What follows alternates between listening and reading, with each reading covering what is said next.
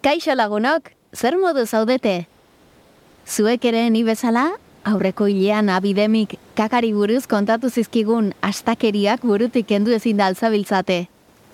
Kaka hilea horrazteko, kaka etxeko paretak margotzeko, kaka koloniak egiteko. Pentsatze utxarekin, gombito larria sartzen zait.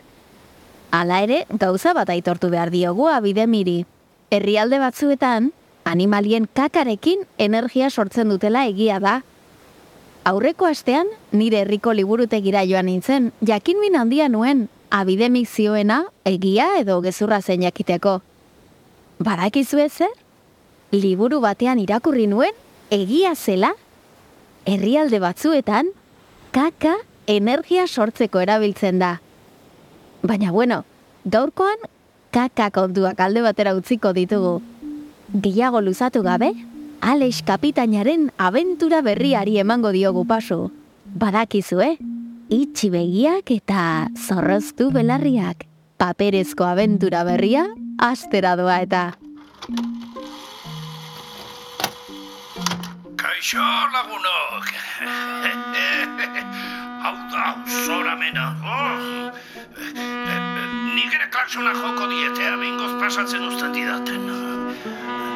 Aizu, eskerrera edo eskuinera mugitu baina ez zaitez nire parean gelditu, ezin naiz pasata. Oi, alperrita, ez didate kasurik egiten. Gaurkoan Italiara bidaian joateko asmoan eukan, baina uste dut bihar arte ezinezko izango zaidala hemendik mugitzea. Nire inguruan aurkitzen diren itxasontzi guzti hauek, berde latantxoak harrapatzera etorri dira.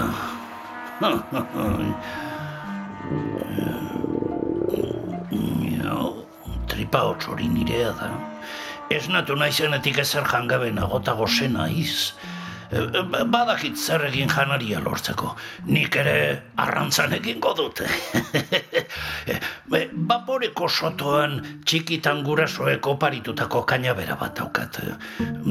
Berdalen bat edo antxoaren bat harrapatu ezkero gauean parrilan prestatuko dut.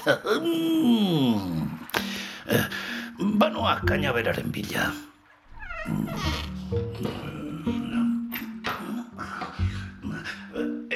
Dago. Urte asko ditu, baina primeran funtzionatzen du oraindik. Proba dezagun.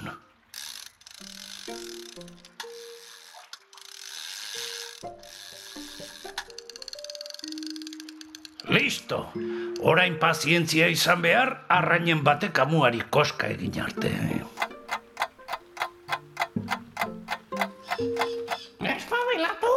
Alex, martxa hontan ez duzu ezer harrapatuko. Ixet zaitez, Antonito, ikusiko duzu nola.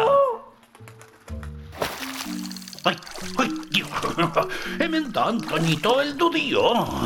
Esan dizut denbora kontua zela. Oh, izugarrizko pixua du honek. Zure laguntza behar dut, Antonito. Eldu mokoarekin eta tira! Tira fuerte! Zer ote da, Alex? Pixu honekin espero dut arrain batez izatea. Arraina ez bada zer izango ote da. Altxor bat. espero dut altxor bat izatea. Aberastu egingo gara, Antonito. Urrea egongo da barruan, mota eta kolore guztietako bitxiak egongo dira barruan. Seguru pirata talde bati erori zitzaiola aspaldian. Aberastu egingo gara, Antonito.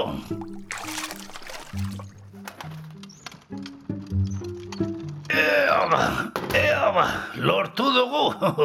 Begiratu dezagun zer eskutatzen duen. Ea ba, Zer da, Alex? Zer da? Ez da posible. Ez da posible. Honek amets gaizto bat izan behar du. Zer gertatzen da, Alex? Zer gertatzen da, Alex? Kaxa utxa dago? E, bueno, utxa utxa ere ez dago. Gu baino lehenago etorri denak urre eta bitxi guztiak eraman ditu. Ta ordainetan, oi ama, kaltzeten zekin bat utzi digu barruan. Holy deal.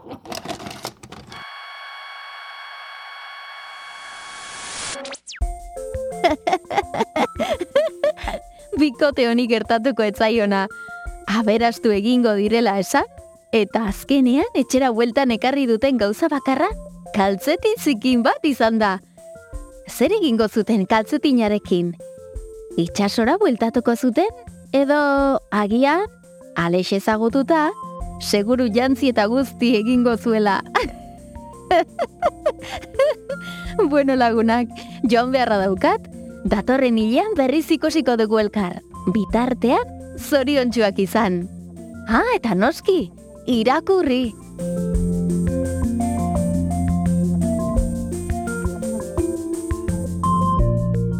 Entzun duzun podcast hau Garoa Liburu Dendak eta Ulu Media Ekoiztetxeak elkarlanean egina da. Gogoratu paperezkoak ekimenean izena emateko, paperezkoak.eus webunean sartu behar zarela. paperezkoak.eus Urren gori arte. Ei, txt, entzun hori. Ulu Media.